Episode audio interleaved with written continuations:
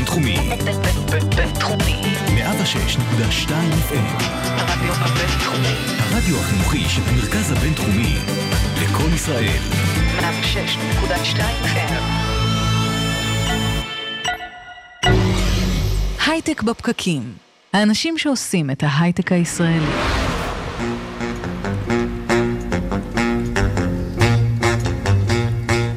בוקר טוב, יום חמישי, ה-24 בינואר 2019, הייטק בפקקים.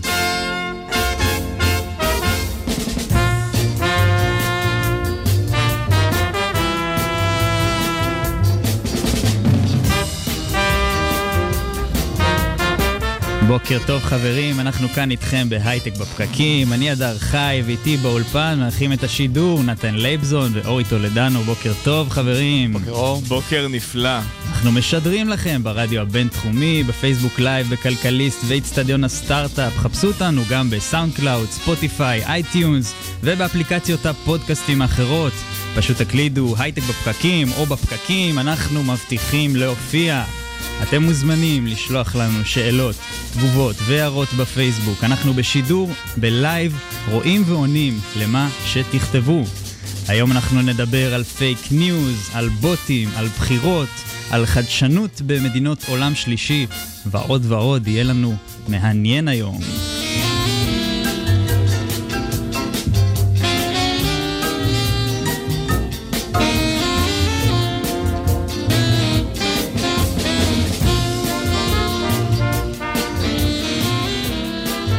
אנחנו מתחילים להרגיש היטב את הבחירות, ואיזה נושא יותר רלוונטי לבחירות היום מאשר פייק ניוז ובוטים שפורחים בתקופות כאלה. נמצא איתנו כאן שראל עומר מחברת קומיוניט, שבא לדבר איתנו קצת על הנושא. שראל, בוקר טוב. אהלן, בוקר טוב. אז רגע לפני שנתחיל, ספר לנו על הרקע שלך והקשר לעולם הזה. בשמחה. אז בעצם אנחנו כבר מתעסקים ב social media management כבר כמעט שבע שנים. יש לנו חברה שנקראת קומיוניט, והתשוקה שלנו זה social media ו building relationship ב social media על כל ה channels הרלוונטיים. ובעצם בשנה האחרונה אנחנו עובדים בעיקר עם ברנדים ועם ארגונים אחרים, ובעצם עולה העולם הזה של הפייק ניוז, של הבוט, של ה intelligence, הניתוח של ה big data על social, וזה טרנד מאוד מאוד חזק שאנחנו חלק ממנו. אנחנו גם עובדים בשיתוף פעולה עם המדינה, עם משרד החוץ, עם הגופים המקצועיים הרלוונטיים ביותר, וביחד עושים כל מיני דברים בעניינים בעולם הזה. וכחלק מהפעילות שלכם, זיהיתם באמת את כל הפייק ניוז הזה שמדברים עליו אז, כל הזמן? אז יש הרבה, יש הרבה. דרך אגב, רוב האנשים מפיצים פייק ניוז בעצמם. יש מחקרים שמראים שאנשים ב-70% יותר יפיצו פייק ניוז, לאו דווקא הם מודעים או לא, כי זה בדרך כלל יותר סקסי. אנחנו גם עשינו כל מיני ניסויים של הפצה של פייק ניוז. הנרטיבים שמפיצים הם כל כך מעניינים, שאנשים רוצים להפיץ אותם, גם אם זה לא נשמע ממש הגיוני. כאילו דברים הכי מינוריים כמו התחתנתי, התגרשתי, יש לי כלב, לא, לא, משהו דבר, יותר מעניין. דברים יותר משמעותיים, כמו לדוגמה, אה, מי הוא בעל מניות באיזושהי חברה מסוימת, בעל אינטרסים, אם זה בפוליטיקה, אז אה, מי התורם העיקרי, לדוגמה, לבני גנץ, שיכול להיות מישהו שהוא לאו דווקא בעל אותן נטיות פוליטיות. זה רק בעל... דרך הפייסבוק? אה, לא, דרך הפייסבוק ובעיקר דרך הטוויטר. אה, בשנים האחרונות פייסבוק נסגר ויותר ויותר מבחינת הפתיחות שלו, אה, וטוויטר הוא בעצם פלטפורמה פתוחה. אז היכולת אה, להעביר מסרים, היכולת לדבר עם אנשים, מה גם שכל הכתבים והפוליטיקאים נמצאים בטוויטר, יש להם DMים פתוחים, אפשר לשלוח DM לכל אחד או direct message וליצור איתם קשר. אז בעצם הפלטפורמה שהיא נורא חז, חזקה בכל מה שקשור לפייק ניוז היא טוויטר, למרות שיש גם מקרים בפייסבוק. אה, אז זאת אומרת, זה משפיע אה, על דעת הקהל, אנשים אה, בעצם באים, משתפים בגלל שזה משפיע עליהם על הרגש, אה, זה בדרך כלל סיפורים מאוד מעניינים, וזה באמת עושה אפקט, יכול להשפיע על אז, בחירות? אז הרבה פעמים זה אה, מה שנקרא orchestrated attack. זה בעצם סוג של סייבר התקפי, זה לא בהכרח בן אדם אחד שמפיץ משהו, אלא ארגון או איזשהו אה, אה, אה, גוף עסקי כלשהו בעל אג'נדה, או אפילו מדינה, שמפיצים פייק ניוז כ... כמערך. זאת אומרת, בדרך כלל יש queen bee, המלכה, שהיא מפיצה איזה תוכן מסוים, ואז יש לה רשת של עוקבים, שעושה להם זה ריטוויטים ו reshareים ולייקים, והמטרה שלהם זה בעצם לקחת news מה social ולהעביר אותה ל traditional media. זאת אומרת, המטרה שלהם שכתב אמיתי יגיד, אה, זה מעניין, ויפרסם את ואז זה אצלו. יקבל גם הרשת יותר אה, בדיוק. רצינית. ו... בדיוק. אבל יש מקרים שבהם אורגסטרייטד הטק הזה באמת אה, הפך, יש, שינה את דעת הקהל? אז uh, לא מזמן יצאה הצהרה של ראש השב"כ שאומר שיש התערבות רוסית בבחירות בישראל. חלק מהדבר הזה זה גם משהו שאנחנו קצת היינו מעורבים בו. אה, הוא ב- אמר רוסית או שהוא אמר חיצונית? אה, הוא- הוא אמ- אמרו רוסית. אמרו רוסית אמרו בסוף. רוסית, אמ, אה, אבל אה, לנו אין שום אינדיקציה שזה רוסית או, או לא, אבל מה שאנחנו כן יודעים זה שהכל התחיל עם איזשהו פייק ניוז. orchestrated בצורה מאוד מקצועית, שדובר על זה שבעצם ליברמן לא פוטר, לא התפטר, אלא פוטר בגלל שהוא אה, ראש קג"ב לשעבר, יצא כזה פייק ניוז, article כזה, זה היה נראה מאוד אמיתי. איפה זה פורסם? אני אישית לא ראיתי את זה. אז בעצם מה שקרה, זה לא פורסם כי נעצר לפני שזה יצא למעלה, אבל אחד הכתבים, בעצם מה שקרה זה שפנו לאחד הכתבים, אנחנו לא גילינו את זה, אה, אלא אנחנו היינו בחלק השני של זה, ערן ברזיקי גילה את זה לראשונה, אה, אז בעצם אה, פנו לכתבת עם איזשהו אתר של אה, הרווארד, שנראה אמיתי לחלוטין, הם קנו את הדומיין במקום נקודה קו, אבל האתר נראה אמיתי, כל הכתבות של הרווארד, והיה שם את הכתבה הזאת. ובעצם כתבת אחת אה, קיבלה את זה ב-DM, בדירקט מסאג', ובאה כבר להפיץ את זה, לחקור את זה, ואז היא הבינה אה, שבעצם זה לא המקרה. אז זה ממש כמו מתקפת סייבר, שאתה בא, יוצר איזושהי מל- כתובת דומיין, היא ממש ממש, דומה זה- למשהו אחר, מתחיל לשתול. לגמרי, ואתה זה- גורם בעצם לאנשים שהם valid־ים ושאנחנו סומכים עליהם אה, ליפול בפח הזה. ממש, ממש. בעצם זה הפך להיות מעין סייבר התקפי וסייבר הגנתי בכל העולם הזה. גם הניטור של זה הוא קצת מודיעיני באופי. אתה צריך לבנות את הישות ואת הקשרים שלה ולהבין האם זה פייק והאם זה רשת ומאיפה באה ולאן היא הולכת ומה הנרטיב ומי מפעיל אותה. אה, וזה נעשה יותר ויותר מעניין. אנחנו עובדים עם גופים עסקיים לרוב. יש גופים עסקיים שסוחטים אותם ברשתות חברתיות, שאומרים להם שאם לא תביא לנו את זה ואת זה, נפיק עליהם פייק ניוז, נוכל להוריד את המניה. אה, יש מקרים של חברת AMD, חברת הצ'יפים, שהוציאו פייק ניוז, שאמרו שבעצם אחד הצ'יפים שלהם נכשל בבגידה, בבדיחה, בבדיקה ביטחונית, אה, בבדיקת security, סליחה. הדבר הזה נתפס על ידי איזשהו traditional, אה, מדיה, זה פורסם, זה הוריד את המניה של AMD לכמה ימים, עד ש-AMD הוציאה בעצם press release שאומר שזה לא נכון וכן הלאה. כלומר, יש לפייק ניוז השפעה אמיתית, ויכולה להיות גם השפעה מן הסתם אה, בתקופה של אה, בחירות על אחת כמה חד וכמה. משמעית, חד ואז משמעית. השאלה שעולה, הרי אנשים לא מקבלים, אם עושים פייק ניוז, הם לא מקבלים את הענישה המתאימה, כי נורא קשה להבין מי עשה את זה. נכון. ואז אולי השאלה המתבקשת היא, יכול להיות שמי שלא עושה את זה, מי שנשאר honest, הוא נדפק. אז בעצם הרבה פעמים זה לא בן אדם אחד שעושה משהו ברמה האישית. יש מקרים כאלה. לדוגמה, מה שקרה אה, אה, אה, עם יאיר לפיד, עם, ה, עם אחותו, שהוא אמר שאחותו אה, מתה באותו יום כמוהו, ולכן הוא לא יכול לחגוג יום הולדת. אז מישהו הוציא על זה פייק ניוז, שאומר זה לא נכון, זה, הוא משקר. ואז הדבר הזה מתגלה כפייק ניוז, אבל זה לא משנה שעשה את הבאז שלו. אז לפעמים בן אדם אחד יכול לעשות אימפקט. אבל מה שאנחנו יותר מתעסקים איתו זה שזה משהו יותר orchestrated, שיש שם איזה נרטיב שמנסים להעביר, אם זה משהו מול מדינה, אם זה משהו מול ארגון גדול, מול brand גדול, אה, יש הרבה דברים כאלה שקורים כל הזמן. הבחירות בארצות הברית, היה או לא היה? ולטובת מי? שאלה טובה. אני חושב שהאנשים שרצו שינוי, הובילו את המגמה של השינוי. זאת אומרת, אין פייק ניוז בלי אנשים שמפיצים אותם. זה לא יכול לעבוד. אה, זה מגיע עד רמה מסוימת, אבל אם הנרטיב כבר יוצא לפועל, אז קורה משהו אחר. אתן לכם דוגמה, אה, הסרט האחרון של הסטאר וורס, אז זה היה קהילה של גיקים שלא אהבו אותו. הם אה, עשו על זה נרטיב מאוד מאוד שלילי בסושיאל מדיה, בעיקר בטוויטר, ואחרי זה עשו מחקרים וראו ש-60% מהמנשנים הם על ידי בוטים וטרולים, וזה לא באמת אנשים אמיתיים. זה לא משנה שהנרטיב נתפס, שהסרט לא טוב. אה, ויש עוד הרבה דוגמאות כאלה. ובמדינת ישראל אנחנו רואים הרבה דברים כאלה, אה, לדוגמה ביטול של הופעות, טרנדים כאלה של כל מיני אשטגים שרצים, הרבה פעמים זה נרטיב שקרי, זה לא באמת הרבה אנשים שאכפת להם. היה את הביטול של לורד לדוגמה, שאחרי זה היה מחקר שזה לא אה, באמת אנשים שרצו. הרבה הרבה דוגמאות. אנחנו בקומיוניט 360, שזה המוצר בעצם שלנו, שמתעסק בזה, מתעסקים בעיקר עם brandים, אה, ושם אנחנו רואים דוגמאות מדהימות. אנחנו רואים, אה, לדוגמה, recently נתקלנו בסיטואציה שבה על מנכ"ל של חברה מסחרית הפיצו פייק ניוז. אה, לא הפיצו פייק ניוז, הפיצו מידע אישי שלו ברשתות. ובעצם הרימו אתר ורצו לסחוט אותו. אה, זה, אה, אה, ויש עוד הרבה דוגמאות, זה כל הזמן... זה, זה לא מפתיע אבל שאפשר ליצור נרטיבים שהם עולים על המציאות, ואז אנשים באמת קונים את זה ומפיצים. ממש. וגם כל ה... בעידן הפוסט-אמת, ברגע שנחשפת לאיזשהו מסר והאמנת לו, מאוד קשה לשנות אחר כך את התפיסה הזאת בחזרה. נכון. במיוחד כשהנרטיבים הם נרטיבים טובים. ממש. גם אם גילית שזה היה פייק, עדיין ממש. זה ש- עשה את ההשפעה השאלה. כמה זה באמת מסכן את הדמוקרטיה שלנו כשאנחנו מדברים על מערכת בחירות. האמת שזה זה תלוי בנו.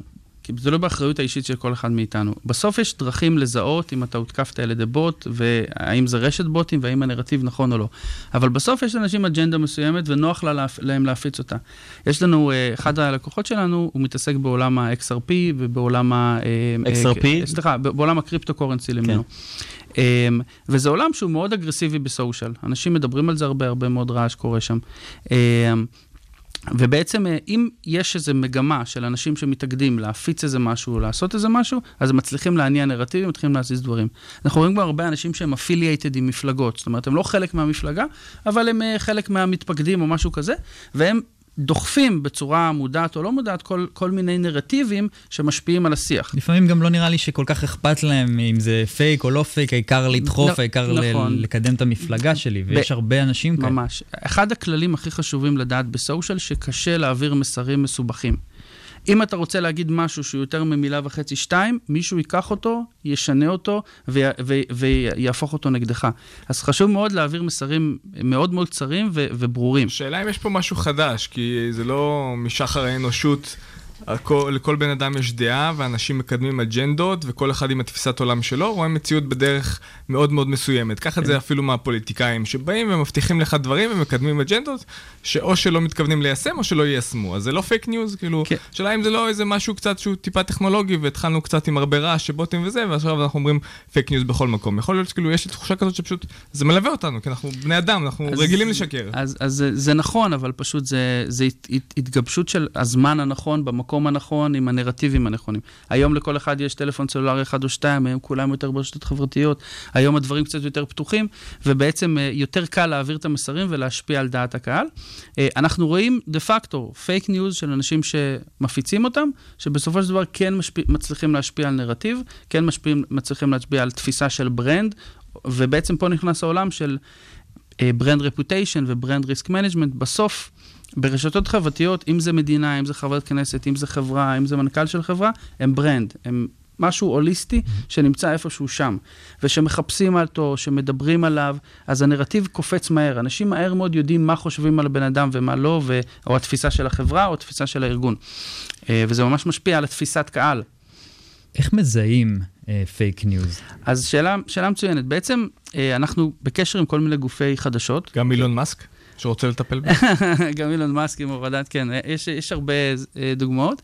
אה, בעצם, אז יש כמה דרכים להתמודד עם זה, להסתכל על זה. יש ברמת הבן אדם הבודד, להיות אחראי, להבין האם זה make sense או לא. הרבה פעמים, משהו שנשמע טוב מדי הוא לא נכון. אה, זה דבר אחד. דבר שני, שרוצים באמת לרדת לעומק, אז צריך לבנות, לבנות איזושהי תמונת מודיעין. מי הבן אדם שייצר את הניוז, מי העוקבים שלו, ממתי הוא קיים ברשת. אם תסתכל אחורה, פתאום תראה לפני שנה שהוא עשה אה, ציוצים או, או טוויטים בשפה אחרת, הרבה פעמים אנחנו רואים את זה. אם הבן אדם שמוציא את זה מוציא 20 טוויטים ביום כל שעה, אז הוא לא, זה כנראה לא בן אדם אמיתי. יש הרבה דרכים לתפוס אותם, יש גם, זה מאוד קשור לרשת של העוקבים שלו, כי בדרך כלל רשת בוטים היא לוקחת נרטיב אחד ודואגת שאחרים י- יעשו, יעשו לו מעין הלבנה. אבל גם אנשים אמיתיים, אתה רואה, לצורך העניין, הליכוד מאוד טובים בלשנן את דף המסרים, ויוצאים נכון. כל הח"כים לתקשורת עם אותו מסר בדיוק. הם לא בוטים. כן, לא, זה נכון, זה נכון, זה נכון. אה, בעצם המלחמה על דעת הקהל היא בהרבה מאוד זוויות. אה, מה שגילו בש- בתקופה האחרונה, שנורא קל להשפיע על זה דרך רשתות חברתיות ודרך רשתות בוטים ודרך מערך. אה, אבל כן, זה... אגב, לא רק פוליטיקה, גם יש לנו פה הערה של מיכל חוזב, שההשפעה על פסיכולוגיה של אנשים, אז זה יכול להביא לכל מיני תנודות, אפילו בכלכלה, או כל המערכת הכלכלית שלנו שבנויה על דברים פסיכולוגיים. חד משמעית. תניע אותם עכשיו לכיוון מסוים, זה יכול אה, למוטט אה, דברים, או הפוך. ממש. להרים דברים אחרים, כמו סתם הקריפטו והבלוקצ'יין, או כן. ה-Initiative Q, שהייתה בזמנה. מישהו, לא Initiative יודע, Q, עדיין קיימת, נכון. עדיין חיה. יש למישהו מטבעות של Q? אתה חושב שזה משפיע על החברה שלנו, על העתיד שלנו באיזשהו הקשר, אני כל חושב, הסיפור הזה? כולם מודעים שזה משפיע, כולם יודעים שזה משפיע, ועושים צע, צעדים כאלה ואחרים למנוע את זה. לדוגמה, אנחנו בקשר עם טוויטר ורשתות חברתיות, ואנחנו יודעים שהם עוב- עובדים בשביל להוריד את הפייק ניוז, עובדים בשביל להוריד את הבוטים. בשנה האחרונה הם אה, חסמו מעל 100 אלף יוזרים, אה, כמה מאות אלפי אפליקציות. ה-privacy policy משתנה, רואים מה שקורה בפייסבוק, שהם סוגרים את האפליקציה יותר ויותר ומתמודדים עם זה. אה, גם ברמת המדינה יש הרבה יותר מודעות, משרדי חוץ למיניהם מסתכלים על מה הנרטיב, מה מדברים. זה מדהים לפעמים גם היכולת של הסושיאל כדי להבין מה נכון, איזה מסר נכון להעביר, מתי, באיזה סיטואציה. אה, אני חושב שיש הבנה שזה משתנה. בדרך כלל האופי של הדברים שהרגולציה היא באה הרבה אחרי אה, מה שקרה. אה, וגם במקרה הזה, קורים דברים ואז הרגולציה מגיעה ומנסים לתפור את זה ביחד לאיזושהי אה, אה, חבילה ש-make sense. ואתה חושב שזה צופה לנו דברים חדשים, מעניינים? אנחנו נחשפים כל הזמן כמעט להתקפות חדשות, לסוגי סייבר אחרים. אה, אנחנו לא מזמן הוצאנו אפליקציה ביחד עם משרד החוץ, שכל הכתבים בארץ אה, יכולים להירשם אליה. אנחנו מקבלים את כל האנשים שהם עושים להם בלוק בסושיאל, אנחנו בונים איזה רשת, ואנחנו צריכים להבין האם יש עוד רשתות של fake bots או malicious acts שבאים לידי ביטוי. אז יש כל מיני דברים, כל הזמן כל מיני דברים שאנחנו מנסים לעשות כדי להתמודד עם הסיטואציה, לשפר אותה. אה, לנו גם יש אלגוריתמיקה וטכנולוגיה מאוד מאוד עמוקה, שיודעת לעשות אה, ניתוח של אנשים ושל סנטימנט, אה, ולבנות אה, מערך רשתות וקשרים אנש, בין אנשים, ולהבין יותר טוב מה הנרטיב, מי מפעיל אותו, על מה אנשים מדברים. אה, בסוף, בסוף, בסוף אנחנו חיים בעולם שה-brand הוא, הוא כמעט הכל. התפיסה של ה-brand היא כמעט הכל. אה, והיכולת להשפיע על זה ברשתות חברתיות היום, אה, לפחות בטוויטר, היא עדיין קיימת והיא משהו ששווה לשים לב אליו. אז באמת לפני מערכת בחירות, אוקיי, אז יש את. הבעיה הזאת, אתם עושים מה שאתם יכולים. אה, אני חושב שהבחירות האלה הן ממש בסימן של, של התמודדות עם התופעה של הבוטים. חד משמעית. זה ש... אז, אז מה יקרה? מה... איפה אנחנו עומדים? בדיוק מגייסים עובדים. בסוף אנחנו בקשר עם uh, הרבה כתבים, הרבה פוליטיקאים, uh, הרבה אנשים בתעשייה, ובסוף הנרטיב הכללי של מי יצביע על מה, הוא, הוא לא השתנה יותר מדי. מנסים להשפיע עליו, uh, אבל כן, uh, אני בסוף... לא, יהיה לנו לא, מעניין, תכינו את הפופקורן. בדיוק, יהיה מעניין, יהיה... אפילו היה משהו מצחיק שחברת כנסת בתוכנית רדיו, אה, בתוכנית טלוויזיה, אמרה, הנה קיבלתי עכשיו הודעה. שהיא- שמשהו שהוא פייק.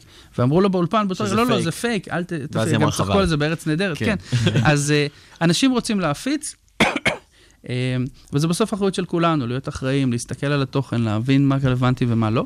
אה, יש לכם אה, מיטאפ לסיום, אה, כן, שמישהו נכון, רוצה ללמוד עוד. נכון, נכון, נכון. אז בעצם אנחנו עושים מיטאפ שמדבר בשיתוף עם טוויטר. טוויטר גם שולחים נציג לארץ, המיטאפ הוא בשישי בפברואר, בשבע וחצי בערב. אפשר להיכנס לאתר של Communit360 ולקבל יותר פרטים. ירצו שם פרופסור קרינה און. שהיא מרצה בתחום, אה, גם מרצה פה יו"ר איגוד בתחומי. האינטרנט. כן, יו"ר ארגון האינטרנט, והיא תדבר גם על בוטים ועל ההשפעה עליהם. אה, נועם רותם ויובל אדם, שידברו על זיהוי בוטים, אה, שני חבר'ה שהם חוקרים אקטיביסטים.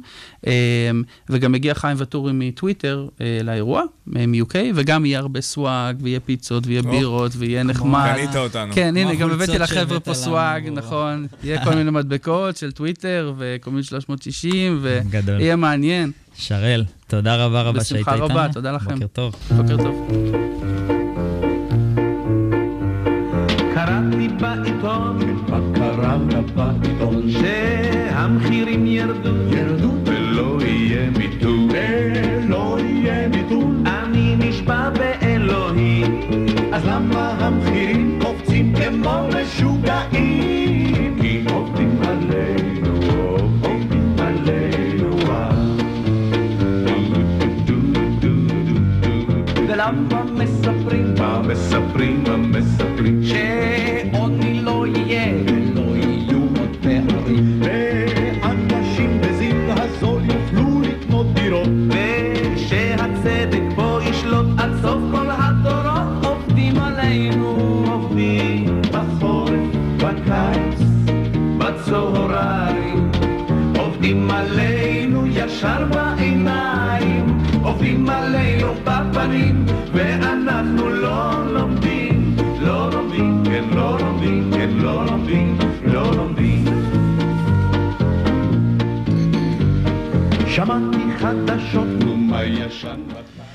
בוקר טוב. בוקר טוב, קארין. שלום, שלום. אה, אז בתחילת השבוע דווח שראש הממשלה בנימין נתניהו מקדם בנק להשקעות פרטיות עבור חברות ישראליות במדינות מתפתחות בתחומי רפואה, אה, סייבר אה, וחקלאות. אז היום אנחנו נדבר קצת על הנושא הזה, ואנחנו שמחים מאוד לארח את גברת נועה מוצפי. גברת. גברת. גברת נועה מוצפי יגב. בבקשה. אוקיי. מנהלת תחום אסיה וקהילה בתוכנית פירס לחדשנות גלובלית. נכון מאוד. בוקר טוב. בוקר אור, שמחה מאוד להיות פה. כמו שאמרנו, שמחים לארח אותך. אמ, אז אה, למה חברות ישראליות בכלל רוצות ללכת לכיוון של אפריקה? הרי אנחנו רגילים ששווקים זה... אפריקה ארצות ואסיה. סליחה, אפריקה ואסיה, מדינות מתפתחות. אנחנו רגילים שהולכים לכיוון ארצות הברית, אירופה. אז אה, את לא טועה, הדיפולט של רוב חברות הסטארט-אפ הישראליות זה לטרגט קודם את השווקים של אה, ארצות הברית, אירופה, מדינות דוברות אנגלית בכללי. Uh, מעטות החברות שבאמת uh, פונות מלכתחילה לאסיה ואפריקה, אף על פי כן שיש הזדמנויות ופוטנציאל אדיר, בעיקר לסטארט-אפים ישראלים. היום בשווקים האלה מדובר בכלכלות שצומחות הכי מהר, וברמת הפוטנציאל שוק וקצב הצמיחה, uh, זה ממש uh, uh, חבל שלא. איזה מדינות אבל לדוגמה באסיה? כאילו זה הודו הודו- בעיקר? הודו או בעיקר, תראה, כל הודו- הקטנות הודו מסביב וסין- שאנחנו עושים בטיול אחרי צבא. אז, אז יש את דרום-מזרח אסיה, אתה לא טועה, עם כל המדינות הקטנות, פיל, פיליפינים, וייטנאם, קמבודיה, מדינות קצת יותר גדולות, כמו אינדונזיה ומלזיה, שלצערי אין? לנו אה, יחסים איתם. אה, אבל הודו היא, היא הכלכלה הצומחת העיקרית באסיה. אה, לצד סין, שתי הענקיות, שתי הכלכלות הצומחות הכי מהר בעולם, ובאפריקה מדובר ברואנדה, אוגנדה, קניה ועוד מדינות. באילו תחומים אה, יש הזדמנויות אה, בעינייך במדינות האלו? מבחינת סקטורים, יש את הסקטורים שאנחנו נורא נורא טובים בהם, ואנחנו גם נחשבים מומחים עולמים, בעלי שם. אה, כמובן, כל תחום החקלאות, ה-agtech, כל תחום המים, שאנחנו נדבר על זה עוד בהמשך, כל טכנולוגיות המים, בין אם זה אה, תיאור, אה, ייצור מים מהאוויר, סניטציה, היגיינה, אבל גם אה, תחום שאני בטוחה שדובר כאן עליו הרבה, שזה. ה-medical. לא, לא. גם נשק. דרך אגב, speaking of fake news עם סמארטפונים, כי היה פה, הייתה פה שיחה מאוד מעניינת, אנקדוטה. Uh, יש יותר אנשים בעולם שיש להם סמארטפונים מאשר uh, שירותים. כן. Uh, רגע, זה לא פייק היה, נכון? זה לא פייק. זה אמיתי, זה. אמיתי. זה- לא חשובות. זה רגע, אבל נועה, מהנתונים שלי. אני אה, יכול להבין למה אפשר ללכת להודו, הודו בסופו של דבר כלכלה כן. ענקית ובאמת אה, עומדת אה, לכבוש את העולם יום אחד יחד עם סין. כבר אה, כבשו. אה, בסדר, קשור, אין בעיה, בכלל מעולה. אבל לאפריקה, מה, יש בכלל כסף באפריקה? אם אני יזם ויש לי סטארט-אפ, אני מאמין שיש שם מיליון הזדמנויות. השאלה אם יש לי איך לעשות כסף מההזדמנויות האלה, שזה גם חשוב. אז, אז תראה, קודם כל היום, אה, למרות שאני מנהלת את התחום של אסיה, אני אנסה להיות uh, לויאלית ונכניס את- אפריקה ואסיה לאותה משבצת היום, תחת מדינות מתפתחות. מבחינת הכסף, אני חייבת להגיד שלהבדיל מסקטורים אחרים ומדינות אחרות, מדינות יעד אחרות שסטארט-אפים ישראלים מטרגטים, אה, רק, את, רק בשבוע שעבר פורסמה כתבה של רשות החדשנות, שלמעלה מ-30% מההשקעות, מהשקעות הפיילוט, מה שנקרא, של רשות החדשנות, נעשה בתחומי החקלאות והמים, אם תשימו לב. ופחות מאחוז אחד בתחום הסייבר. יש המון כסף, יש המון כסף ממשלתי גם, יש המון כסף בילטרלי. בשנה האחרונה הוקמה, speaking of הודו, בשנה האחרונה הוקם, אה, הוקמה קרן בילטרלית, דו-מדינית, הודו וישראל, שנקראת I4F, אה, שאני זכיתי להחליף את אה, מי שהלכה לנהל אותה, אילי הירט, שמובילה שם כרגע את התחום של הודו. מדובר בקרן של 40 מיליון דולר להשקעות משותפות. בסטארט-אפים ישראלים והודים. יש להם uh, תוכנית מדהימה, uh, שאנחנו גם היינו שותפים להקמה שלה uh, למחזור הראשון, יחד עם משרד ראש הממשלה, שנקראת גשר לחדשנות הודו-ישראל. אתם רוצים לנחש מה היו שלושת, שלושת הסקטורים? מים. מים? מים, אוקיי, מים. יפה. חקלאות. והשלישי? אה, קריפטו. מדיקל. אז, אז אנחנו התחלנו עם ביבי, אנחנו נזכיר אותו שוב, אה, אמנם, אה, כן, אנחנו במדינת ישראל. אז המשלחת הזאת היא בעצם ליוותה את הביקור הרשמי של ראש הממשלה, ומודי, ראש ממשלת הודו בעצם אה, הם היו אורחי הכבוד. כלומר, מדובר פה באמת, באמת, אה, במאבק לאומי, ויש פה תמיכה נרחבת. עם האקתון שהיו בו 1,800 איש, היה גם ארגון ש... היה, איזשהו- היה את המד פור דב, נכון? כן. זה גם שלנו, יפה, אתה מעודכן. מד פור דב היה לפני שנתיים, האקתון שנעשה בארבע ערים במקביל, שלוש ערים בהודו, היידרבד, מומבאי, דלהי אה, ותל אביב. אורי הוא בעד אה, התפתחויות וחברתי, אל תראי נכון, אותו ככה. אורי, אנחנו נדבר על זה אחר כך, נלך לאכול איזה משהו הודי. בואו נחזור רגע כן. לסטארט-אפים. מה, איזה קשיים, מה האתגרים ש, שניצבים בפני חברות שרוצות להיכנס למדינות מתפתחות? Uh, זו שאלה מעולה, זו שאלה מאוד מאוד טובה. אז אני חושבת שלרוב כשאנחנו חושבים על מדינות מתפתחות, אנחנו חושבים על השפה. אבל דווקא את, אה, את אה, פערי השפה ניתן לגשר עליהם. מדובר בשפה תרבותית שצריך לדבר וגם את שפת המקום. אז זה משהו שגם אנחנו בתוכנית לפירס לחדשנות גלובלית, נדבר תכף על התוכנית הייחודית שלנו, אבל בגדול... אה, כל סטארט-אפ שרוצה לצאת לשוק מתפתח, קודם כל צריך להכיר את השוק. וזה לא משהו שניתן לעשות בגוגל, וזה לא משהו שניתן לעשות בכל אקסלרטור גנרי בישראל. לנסוע לשם? זו זו העצה אז, בעצם? אז לנסוע... אבל אז עם מי אתה מתחיל לדבר? אז איך אתה זהו, אז מוצא, איך לנ- אתה מוצא את הקשרים שם? נכון, זה נשמע אתם.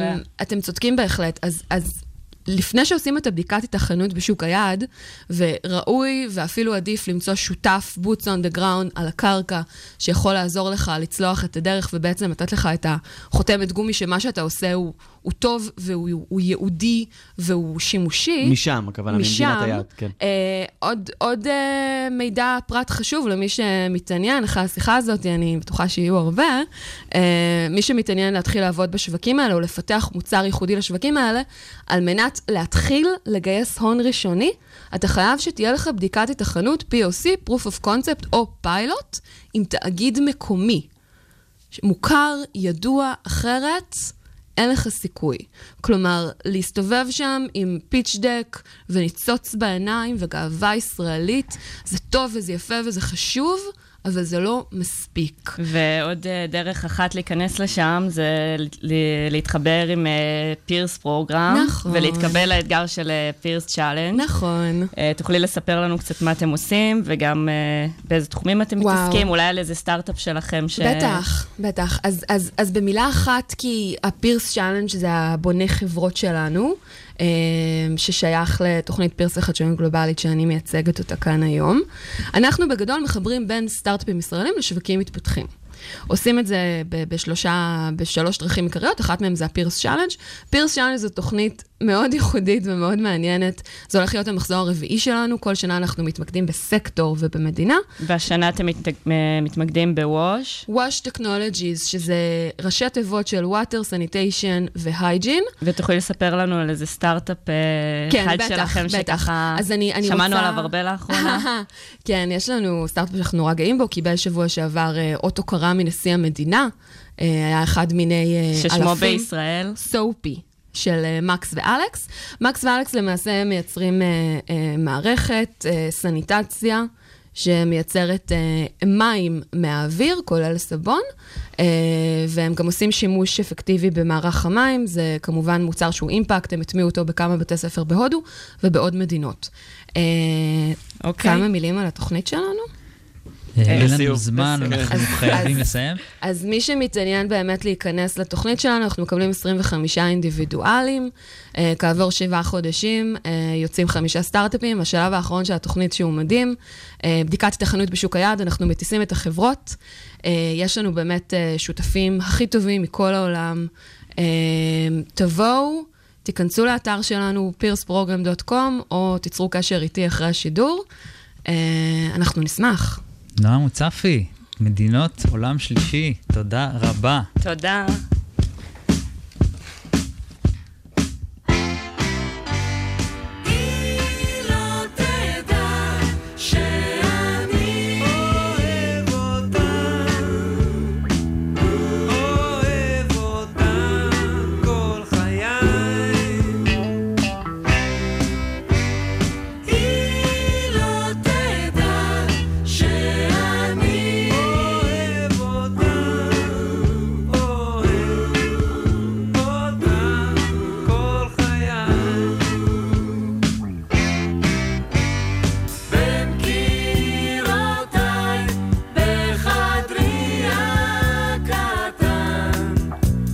יושב וחושב עליה. מאיר כוכב מנצנץ מעליי, תפילתי לבטח שומע, שומע, דרכי שקטה. חדשות השבוע. עם נתן לייבזון, חדשות השבוע, מה היה לנו השבוע, נתן? אהלן, אהלן, אהלן. אהלן אה, לך גם. אהלן, אז אהלן. שלום. אז בהמשך לפייק ניוז שהיה לנו על הבוקר, אנחנו. ממשיכים ופותחים עם פייק ניוז, כי אנחנו אוהבים פייק. אה, האדמינים בלחץ, וואטסאפ, אה, מגבילה הודעות לחמישה נמענים בו זמנית. וחוץ מההודעה המוזרה הזאת, שגם יצאה בחצי הודעה רשמית של החברה, שגם אה, לא, לא בצורת השקה עם אירוע ופרסום בבלוגים והסבר מה זה עומד להיות, לחיצה ככה את כל המשתמשים. אה, עכשיו, אנחנו נוכל לעשות פחות forward לאנשים, רק לחמישה אנשים כל פעם בו זמנית, לא לאינסוף אנשים כמו שעשינו עד עכשיו. אה, זה גרם לאנשים לשאול, רגע, מה, מה עם קבוצות? אם אני עכשיו אדמין בקבוצה, יש לנו קבוצה, מה אנחנו מעלים הודעה, ומה, לא כולם יראו? אז כן, להירגע, זה לא תקף לגבי זה. וגם יש את הברודקאסט ליסט, שכנראה הם מנסים להסב אנשים לשם. נכון, ו... אז יש שתי סיבות. יש את הסיבה המוצהרת של וואטסאפ שאומרת, אנחנו רוצים להיאבק בפייק ניוז. לא האמנתי. עם כל, ה... עם כל הדברים לא שעשינו. גם בתקופה האחרונה, הם עשו מחקר בוואטסאפ, איך זה הכל עובד, אבל הסיבה והסיבה כנראה... האמיתית- האמיתית זה כן. פשוט לעשות כסף. ברור. כי וואטסאפ השיקו את הפלטפורמה שלהם, WhatsApp for businesses, לפני uh, כמה חודשים, הם התחילו לנסות לעשות מזה כסף, הם כנראה רואים שזה לא מתקדם, ומה הם החליטו לעשות? לפגוע בילד המוצלח, לגרום לו לצלוע קצת, ואז ככה אולי להצליח לגרום לילד הצולע לצלוע פחות. אפשר לא בטוח? אבל אה, יכול להיות ש...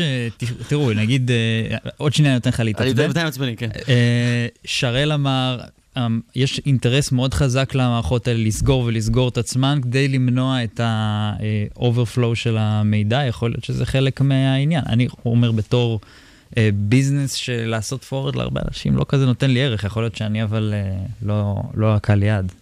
אורי, אז למה זה מעצבן יאללה? אני עצבני בינתיים, אני פה. כי נמאס לי שגופים, או פייסבוק ספציפית, אמ, עוטפים כל מיני דברים שהמטרה שלהם היא לעשות עוד כסף, וכל מיני שיקולים חברתיים שהם לא אכפת להם. באמת, זה... הם לא מנסים להילחם בפייק ניוז, הם מנסים לעשות עוד כסף. השירות של וואטסאפ הוא חינמי, אז גם הגיוני שאני אשלם להם כסף, אין שום בעיה עם זה.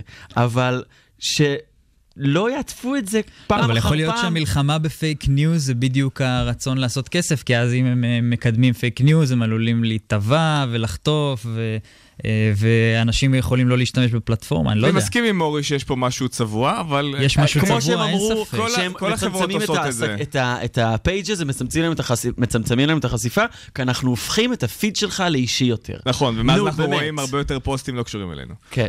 אבל אה, העולם כמנהגו נוהג, ואנחנו יודעים את הסיבות האמיתיות. אז אני חושב שהמטרה שלנו פה היא פשוט לא לקנות את ה framing הזה, ולהגיד, לא, אתם באים לעשות עוד כסף, וזה לגמרי, בסדר, לגמרי. אבל בואו לא נעטוף את זה בדברים חברתיים חביבים. ובוא נראה, אולי בעקבות זה פייסבוק יום אחד יגידו לנו את האמת בפנים.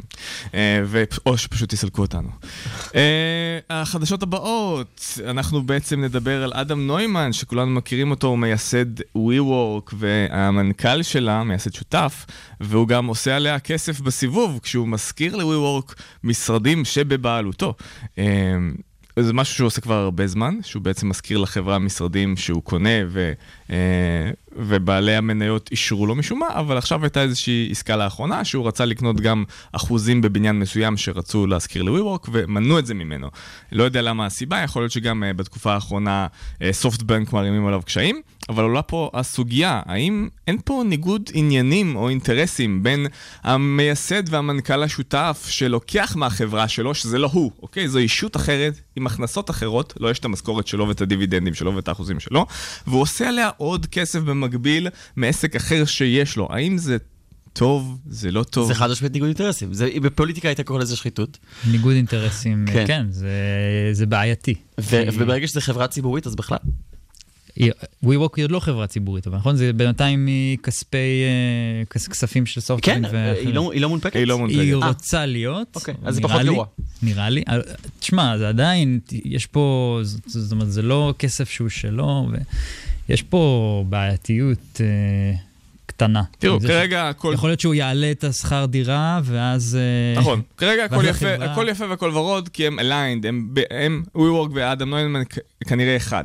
וכנראה בינתיים הוא ישאיר גם את השכירות יותר זולה וילך לכבוד WeWork. אבל מה יקרה ביום שאדם נוימן כבר לא יהיה הפנים של WeWork? מה קורה אם סופטבנק יום אחד יגידו, שמע, נכון. לך תשב בצד, אתה, אתה כבר לא המנכ"ל. האם אז הוא פתאום יעלה את הדמי שכירות? האם אז הוא כבר יחשוב קודם כל על הכיס שלו, על הכיס של WeWork? מה יקרה? יש פה דילמה. האם אנחנו רוצים להיכנס לדילמה הזאת? האם הוא רוצה להיכנס לדילמה הזאת? זה, זה אפילו, בוא נגיד שהוא משכיר ל-WeWork ממש במחיר שהוא אפילו מחיר טוב, וזה משתלם ל-WeWork להשכיר ממנו.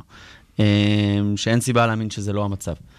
אמ, זה עדיין פותח איזשהו פתח שהוא שהוא בעייתי. לא, שהוא בעייתי, ודברים כאלה לדעתי לא צריכים להתקיים. נתן, אתה מסכים או, או לא מסכים? אני מסכים לגמרי, אני חושב שיש פה ניגוד עניינים מובהק. אה, ואנחנו צריכים אה, לרסן קצת כן. את כל הבעלי שליטה ו- והכוח המוגזם הזה. ונגיד סטארט-אפ קטנצ'יק ש, שמנסה להתקיים ו, ו, ומתחיל בתחילת דרכו ועושה כל מיני דברים ומעקם, אני הייתי עוד אומר לגיטימי וסבבה, אבל הוא ווק כבר לא במצב הזה, לגמרי לא ואין שום. סיבה אבל שזה אני, אני יתקיים. כן רוצה לתת את הקונטרה. אולי אה, אם כולם בסדר עם זה, אז, אה, וזה לא חברה של הציבור, אז... אה, אגב, זה משהו שנהוג, זה לא משהו שאדם המציא, שרי אריסון עושה את זה עם בנק הפועלים, מקדונלדס עושים את זה עם, ה... עם הזכיינים שלהם, רמי לוי עושה את זה עם שטחים שבבעלותו הוא מזכיר, זה משהו שנהוג וידוע בעולם, אבל זה שזה נהוג וידוע לא הופך את זה ללגיטימי, ואולי אנחנו צריכים להסתכל יותר בעין חשדנית אה, כלפי החבר'ה האלה, ולסיום, לסיום, שנסיים עם טעם מתוק בפה. מה יותר כיף מדייטים? כנראה הרבה דברים.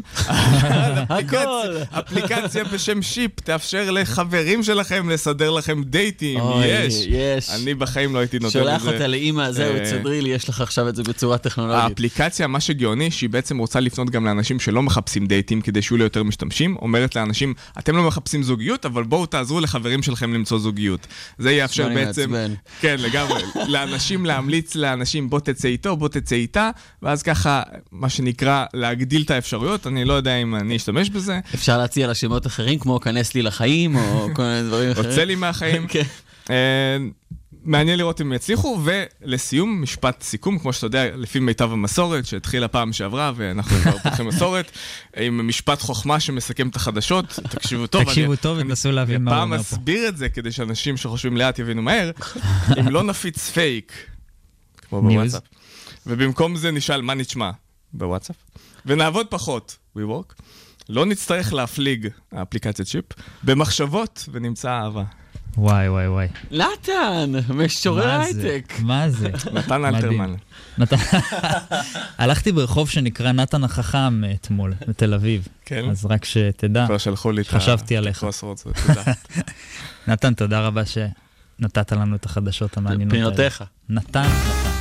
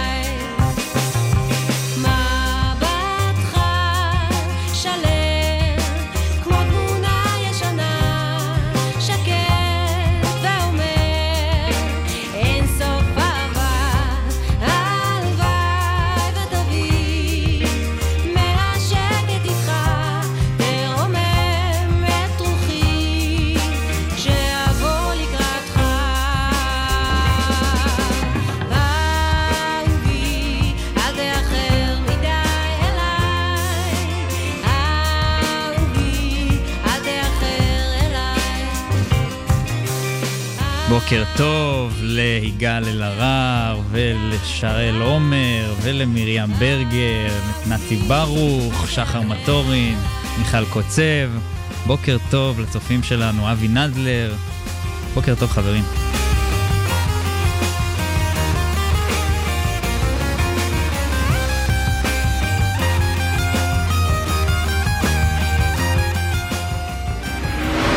סטארט-אפ בפקקים. סטארט-אפ בפקקים, צאן, בוקר טוב, מיקי, בוקר טוב. בוקר טוב, מה שלומכם? בסדר בסדר גמור. טוב, אז באמת בוקר טוב. יש לנו, יושבת פה איתנו אה, מיקי שגב רודל, נכון? זה השם נכון. המלא פה, מעולה. אחת. הצלחתי. סגור. אה, ואת ה-Solution Manager של Qwilt. אמת. אוקיי, בואי נתחיל, יש פה כמה דברים מעניינים שאני רוצה לדבר עליהם. בואי נתחיל ממה זה Qwilt, ואז אה, נזרום משם. אוקיי, Qwilt זו חברה ש... חברת תוכנה שמספקת שירותי העברת מדיה מיצרניות, מספקיות התוכן למשתמשי הקצה, על גבי התשתיות של אה, חב- ספקי האינטרנט. אה, וכשאני אומרת תשתיות, אני מתכוונת בעיקר תשתיות הקצה, ה-edge. מה זה אומר בעצם? בדיוק, בואי, עכשיו בעברית. מה זה ה-edge הזה? אה, הרבה אנשים אוהבים להגיד edge, וזו מילת ב... זו רגע. אפילו לא, אפילו בעברית השלב הראשון, של מה החברה עושה בתכלס. בואי... אה, החברה בפועל מפזרת אה, קאשים, שאלה יחידות אחסון ומחשוב, כמה שיותר עמוק בתוך הרשת של ספקי האינטרנט, ממש ב last mile, וזאת בתוך, מתוך מטרה לייעל משמעותית את אופן הצריכה של הוידאו, של הסטרימינג המטורף שכרגע מפוצץ את העולם. זאת אומרת שאם עכשיו יש לנו שידור חי, נגיד של גמר המונדיאל, והרבה הרבה יוזרים, מיליוני למה יוזרים... גמר מונדיאל? הייטק בפקקים. ברור. יותר פופולרי. תכלס. לא, זה ברור, זה לאנשים מפותחים. אז אה, בוא נגיד על שידור חי של הייטק בפקקים, שמיליוני משתמשי, משתמשים מבקשים עכשיו להאזין לו ולצפות פה.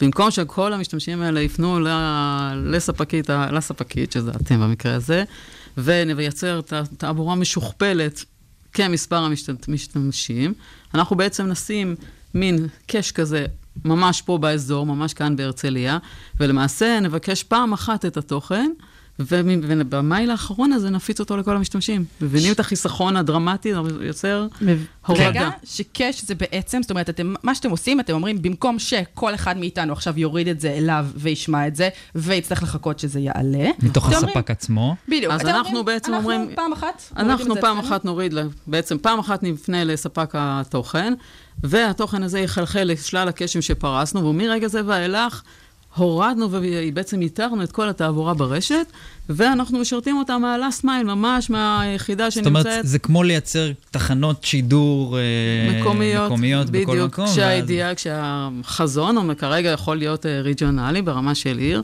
אבל בהמשך זה גם יהיה אה, שכונה ורחוב, כי אנחנו בעצם רוצים לספק את השירות במקום האופטימלי ל user, ואופטימלי מבחינתנו זה קרוב. שמה זה אומר? מה, מה זה השירות האופטימלי? איך בסופ- בסופו של יום, מה זה עושה לי? בואו נדבר על מצב שבו יש לנו וידאו באיכות שהולכת וגדלה, אנחנו מדברים כרגע על 4K, אבל זה עוד מעט יהיה 8K שמונה.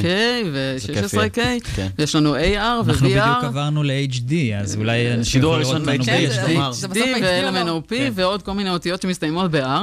Uh, הדברים האלה מאוד מאוד רגישים ל-latency. סך- אם אני עכשיו, בא- דווקא בא לי על המונדיאל, כי במקרה קניתי טלוויזיה בשביל המונדיאל, אם אני רוצה עכשיו לצ- לצפות במונדיאל והכדור מתחיל לקרטע לי על המסך, או בשנייה ש...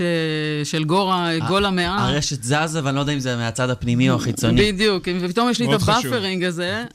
זו, זאת quality of experience, זאת חוויית משתמש שהיא פשוט לא מקובלת, בטח לא בעידן הזה, והעידן הזה שינה את חוקי המשחק באופן שבו אנשים צורכים וידאו. ובטח אתם מדברים גם הרבה על אה, משחקי מחשב. בוודאי, זה בעצם, אה, אנחנו מדברים על, גם על וידאו, גם על סטרימינג של וידאו וגם על, וגם על גיימינג, ובאמת virtual reality ו augmented reality, כל הדברים האלה שמחייבים את האונליין הזה, והאונליין הזה יכול להיות מסופק ב vision שלנו, אגב, לא רק שלנו, רק מהקצה. כשאני אומרת לא רק שלנו, Qwilt בעצם הייתה שותפה להקמה של פורום אה, עבודה של ענקיות התקשורת וה, והאינטרנט, שבאו בעצם לנסות ולאפיין את האופן האופטימלי להתמודד עם הדבר הזה. איך בעצם עכשיו, גם הצרכניות מצד אחד, אה, גם הספקיות, הספקיות שרוצות, אה, שצריכות לעמוד בכל הדבר הזה, איך הן, איך הן, מה הדרך האופטימלית לבצע את זה?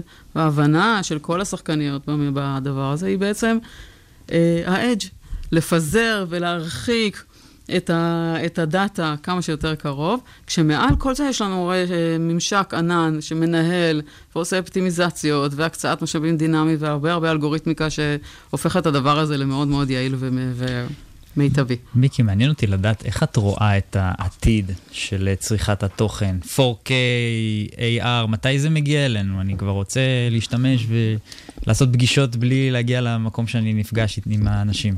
קודם כל זה כבר כאן, אבל הרבה מזה, החסם, חלק מהדבר, זה, זה כבר מת- מתחיל ומתהווה, הרבה מזה כרגע, החסם, אולי אחד החסמים, זה היכולת של הרשת לעמוד בכל, ה, בכל התווך המדהים הזה. ואני חושבת שבמובן הזה קווילט כרגע עושה ממש אה, disruption לשוק. זאת אומרת, אנחנו- יכול להיות אינבלר כזה כמו ברודבנד לאינטרנט, שאפשר את כל הדברים הזה, אז גם אם אנחנו נצליח לייצר מצב שבו התעבורה מספיק גדולה, אז נצליח גם לעשות את כל הדברים היפים האלה. נצליח לייצר מצב שבו התשתית שמסוגלת לתמוך בכל התעבורה המטורפת הזאת, וזה מה שקווילט בעצם עושה. כרגע קווילט עושה מין משהו שהוא די חדש בעולם הזה. עד היום ספק אה, תוכן היה פונה לאיזשהו commercial CDN, מעביר את התוכן דרכו, גובה על זה הרבה מאוד כסף אותו CDN, וספקיות האינטרנט כמעט ולא היו במשחק. בעצם קווילט עכשיו עושה משהו די דומה לאובר, מחברת את אותו ספק תוכן עם אותה רשת אינטרנט, ואומרת לו ב-one stop shop, בואו, אתה תעשה אינטגרציה מאוד קלה ומהירה איתי, ואני מספקת לך באותה שנייה כיסוי ושירות של תוכן בכל המקומות שבהם אנחנו פרוסים. והפריסה הזאת היא מאוד מאוד נרחבת. זה משנה משמעותית את חוקי המשחק, תאורטית יכול אפילו לייתר את הנוכחות של אותם uh, commercial CDNs. מי הלקוחות שלכם? את יכולה לעשות קצת אה, name dropping? אה, אני אשמח לעשות name dropping. אבל. אה, המרכזיים, שזה ורייזון. שעכשיו אה, לא מזמן אה, חתמתם. לפני כשנה אה, ומשהו, אוקיי, וכבר מזמן. פרוסים. אה, כשאגב, כשאנחנו מדברים על הרבה, גם ה-commercial CDN אוהבים להגיד שהם ב-edge.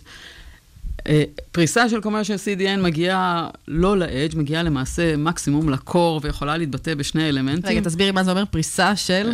מה אמרת? פריסה של אה, commercial commercial CDN. שאפשר לומר המתחרים, הם יכולים להגיע לרמה של אולי שני סרברים אה, בתוך, אה, אצל ספק האינטרנט, אנחנו מדברים על עשרות ומאות, וזה מה שקורה למשל בוורייזון או ב-TI. או עם ספק תוכן כמו ואלב, סטים, אפרופו הגיימינג, שאחראי כרגע גם לנפח תעבורה מאוד מאוד גדול ברשת, ואנחנו היום מייצרים פה מה שמכונה אצלנו cash efficiency, הרבה מאוד מהתוכן משורת על ידינו, ולא מגיעה דרישה all the way לוואלב. צריך, לה... צריך להגיד גם שזה משהו שהוא, אם זה לא נשמע לכם רלוונטי או אקטואלי, עכשיו אתם רואים את זה בפייסבוק, את השידור ב-HD ולא ב-4K, כשהמצלמות אגב, אם תסתכלו עליהם, כתוב עליהם 4K, בדיוק מהסיבה הזאת שאנחנו מפחדים שהרשת שלנו תקרוס ויהיה לגים. נכון. כן, שזה מאוד לו, לו היינו באינטגרציה, ואנחנו כבר היינו תראה איזה, פרוסים איזה פה דברים בישראל. נחתמים בשידור חי פה. אז אנחנו פה מחכים, וכן, רוצים לראות את זה קורה. נכון. אגב, תהליך ה onboarding הזה הוא מאוד מאוד פשוט. זה העולם ה open אה, מתייחס לעובדה שיש פה ארכיטקטורה שבעצם תוקננה ואופיינה על ידי אותו SVA, ה-Streaming Video Alliance, שאנחנו חברים ומובילים בו. האינטגרציה היא פשוטה, היא, היא לא מורכבת. והחברה בעצם עשתה עכשיו shift מה mode הזה שבו עבדנו ישירות, בהתחלה, בתחילת הדרך עבדנו בעצם רק מול ספקיות האינטרנט. עכשיו הבאנו למשחק את ספקיות התוכן, ועברנו יותר למוד של סולושנס. אולי זאת הסיבה שאני פה. מגניב. אמ, עכשיו, החברה די ותיקה, זאת אומרת, היא הוקמה ב-2010, נכון? אה, וזו חברה שמתעסקת בווידאו, אז זה מעניין אותי להבין איך, איך באותו זמן בכלל הבנתם שווידאו הולך להיות הקינג בעולם הזה. אה, זה היה בתחילת, אה, זאת אומרת, את הצורך הזה זיהו כבר בתקופה שחברות כמו נטפליקס נכ- נכנסו למשחק, בתוך זמן מאוד מאוד קצר הפכו להיות אחראיות לאחוז מאוד מאוד ניכר מהתעבורה ברשת. ובעצם היה פה שחקן שנאלץ לספק את הדרישה הזאת, ולא היה חלק מה- מה- מה-chain value, לא, לא, לא, לא ראה מזה כלום. אז אנחנו הבנו שחייבים לעזור לאותו, לאותה ספקית אינטרנט, לעזור, מרצוננו, אה, להתמודד עם האתגר הזה. עכשיו, דרך אחת לעשות את זה, את ה scaling הזה, זה להתחיל לזרוק עוד ועוד שרתים וראוטרים וסוויצ'ים ו fibers, וזו דרך מקובלת. אנחנו חושבים שאפשר לעשות את זה בצורה הרבה יותר חכמה והרבה יותר יעילה, ובעצם להשתמש בתשתיות הקיימות, רק לייעל אותן. אז מרגע שהנטפליקסים הללו למיניהן וספקיות התוכניות הפכו להיות כל כך דרמטיות, אנחנו רואים גידול ממש אקספוננציאלי ב- בתעבורת הוידאו ברשת. זה מחייב את אה, כולם להתמודד. אנחנו מרגישים שזו נקודה בזמן ש... מתי הולך. להיות הולוגרמות בעולם? שאלה טובה. אולי זה האתגר הבא שלנו, לא יודעת. יאללה, I'm waiting for that. גם אני. מיקי, תודה רבה שהיית איתנו. וסוף שבוע נעים. תודה שהזמנתם, ורציתי להגיד שאנחנו מגייסים, בואו אלינו לקווילט. הכי כיף. יאללה, נשמע מגניב האמת. Thank you. תודה רבה. המצב הנוכחי, שלא הכל הכי הכי. מה כבר צריך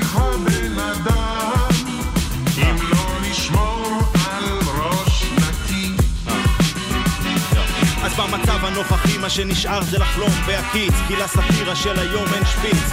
מכניס לחריץ קטן מטבע ישן וטס לי אחורה במכונת הזמן. הרבה לפני שנאלצנו לפנות כשכולם עוד האמינו ביונים לבנות יום כיפור, רשות השידור, הכל שחור לבן אבל עדיין ברור.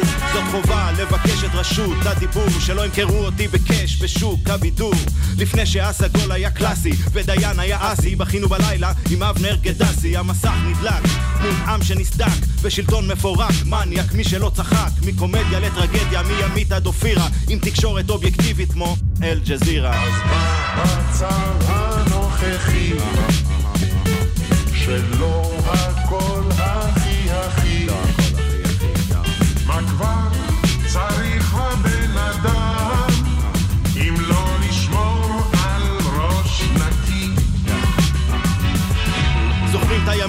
הימים שסטנדאפיסט היה ג'וקר ולהגיד מילה טובה עוד לא עלה כל כך ביוקר אקשן old fashion אם קשקשת ורגע לא סשן של פלייסטיישן פיפא וסגה. מורדים לחמו מאילת עד ראש פינה אבל היום רק מייבאים מורדים מארגנטינה. כולם מאלתרים אף אחד לא כותב. תגיד להם אמברגו הם חושבים שזו תוכנת מחשב. תמיד באופנה גם אם יצאתי מהמודה בלילות אפלים. אני מאיר כמו גולדה מגיע עם הפאנ פרשת השבוע. פרשת השבוע, ונמצא איתנו מוישי פרידמן, מנהל האקסלרטור קמא-טק, שזכו בפרס של גיק טיים על תרומה לקהילה, זו השנה השלישית ברציפות, אז קודם כל, מוישי, מזל טוב, מגיע רבה. לכם. תודה. עם הנאום הכי מרגש שהיה שם. שלכם. האמת שהנאום היה מדהים, ואני אשמח אם גם תוכל לחזור על, על האקורד סיום שנתת שם, כי הוא מדהים. א', אה, תודה. אז מזל טוב. ומה שאמרתי בנאום זה שאחד, התודה מגיעה לא לנו, לכל קהילת ההייטק הישראלית, שבעצם אה, הפעילות שאנחנו עושים לשילוב חרדים בהייטק, אה, זה לא הכוח שלנו, זה הכוח של ההייטק. אה, אנשים מאוד מאוד בכירים, כמו יוסי ורדי, כמו פרופסור אמנון שעשוע, כמו אה, הרבה מאוד, כמו יזהר שי, כמו המון חברות ענקיות, כמו הרבה גופים, קרנות הון סיכון, שעוזרות לנו ותומכות בפעילות שלנו, וזה מה שמאפשר לנו לעשות את מה שאנחנו עושים. אז התודה היא לא לנו, אלא לקהילת ההייטק הישראלית, זה אחד. ושתיים, אמ, אני חייב לומר שהמתחרים שהתחרו מולנו, אני באמת חושב שהם יותר טובים מאיתנו. אה, זה כמה ארגונים חברתיים שפועלים, יש נגיד ארגון כמו יוניסטרים, שפועל אה, לקידום בני נוער בפריפריה, ארגון מדהים. אה, יש ארגון שנקרא She-Codes, שמקדם את היותר ויותר נשים בהייטק הישראלי. יש ארגון שנקרא חסוב, שמקדם אה, את ההשתתפות של ערבים בהייטק, ועוד ארגונים אחרים שעושים עבודה מדהימה. אני באמת לומד מהם, הרבה, הם כולם חברים טובים. אני לומד מהם, אה, כולנו לומדים אחד מהשני, אז אני חושב שאחד, המתחרים היו יותר טובים מאיתנו, אני באמת לא יודע למה קיבלנו את הפרס. באמת אני אומר באמת את מפתיע. זה. ושתיים, שהתודה מגיעה לכולם, לכל ההייטק הישראלי. האקורד סיום היה שאני חושב שאם אנחנו נעבוד מספיק טוב, ובעזרת השם יהיו יותר חרדים בהייטק, יותר ערבים בהייטק, יותר uh, נשים בהייטק, uh, יש ארגונים גם של יוצאי אתיופיה, טק קריירה, יותר אתיופים בהייטק וכולי וכולי, נגיע למצב שישראלים רגילים יהיו המיעוט בהייטק הישראלי, ואז אני מבטיח שאנחנו נקים גם עמותה שתעזור לישראלים רגילים להשתלב בהייטק. אם אתה מבטיח, אנחנו. רגועים. מוישי, השבוע אנחנו בפרשת יתרו. כן. פרשת יתרו, מה יש לך לספר לנו עליה? אז אה, פרשת יתרו זאת הפרשה של אה, עשרת הדיברות, אה, שבעצם אולי זה הלב של, של כל התורה, עשרת הדיברות, ואני אגיד משהו ששמעתי מהנשיא שמעון פרס, זיכרונו לברכה. הייתי השבוע בביקור במרכז פרס לשלום ולחדשנות. אגב, אני ממליץ לכל אחד ללכת לשם. מקום באמת מעורר השראה, אה, בעצם סוג של מוזיאון אינטראקטיבי שמתאר את כל החדשנות הישראלית, את כל ההמצאות, את כל החדשנות והדברים שישראל הביאה לעולם בחקלאות, בסייבר, בבריאות, בהמון המון תחומים. מסע מרתק. ושמעון פרס אמר, אה, הייתי שם בעבר כמה פעמים, ופעם אחת אה, הייתי במפגש, הוא אמר, תראו מה זה, בסך הכל 256 מילים. עשרת הדיברות זה 256 מילים, ששינו את העולם באופן דרמטי. אה, בעצם עשרת הדיברות, הדיברות הביאו לעולם את, את הצו המוסרי של אה, לא תרצח, לא תגנוב, לא תנאף, לא תחמוד, כבד את אביך ואת אמך, אה, תשמור את יום השבת כדי שיהיה מנוחה באותו זמן לפועלים, לעבדים וכולי וכולי. בעצם סך הכל 256 מילים שהביאו לעולם צו מוסרי מדהים ששינה את העולם. זה יצר את היהדות, יותר מאוחר את הנצרות, את האסלאם, את כל הדתות הגדולות, ובעצם הוביל את כל האנושות למסלול אחר.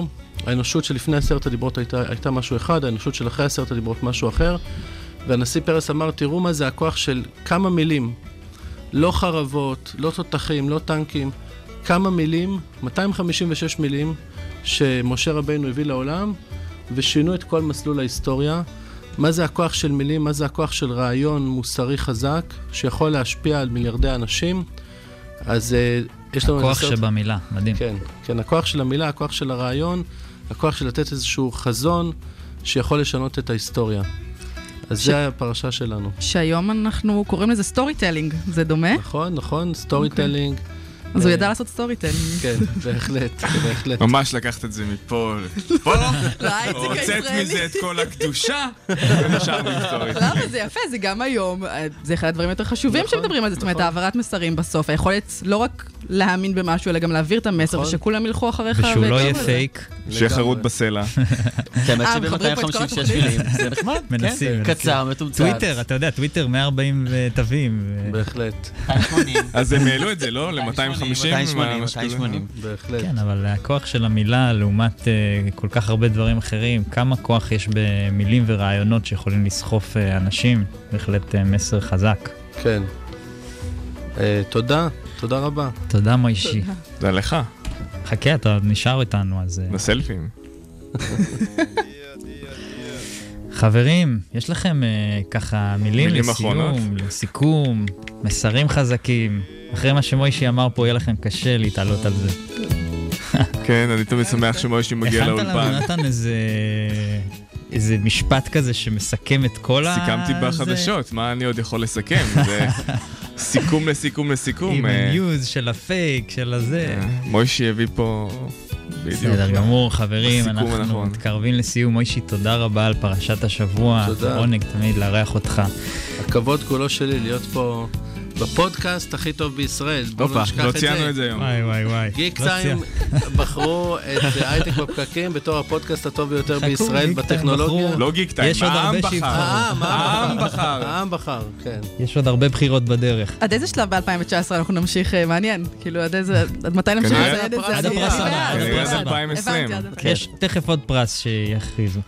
חברים, תודה לכם, תודה נתן לייבזון, אורי טולדנו, קארין רביב, ניצן גל, שהייתם איתי באולפן. תודה לאורי, לאורי טולדנו על המוזיקה, אמרתי. אה, מפיקים את השידור, טל הבר, ניצן גל וקארין רביב, מפיק הדיגיטל שקד דמבו, יזהר שלא איתנו, שלום לך אם אתה מקשיב לנו. תודה לכלכליסט ולרדיו הבינתחומי על שיתוף הפעולה, תודה לכם שהאזנתם לנו בפקקים, במשרד או בבית, צאו בזהירות אם עוד לא הגעתם למשרד. אנחנו הייטק בפקקים, ואנחנו נתראה בשידור הבא, בשבוע הבא.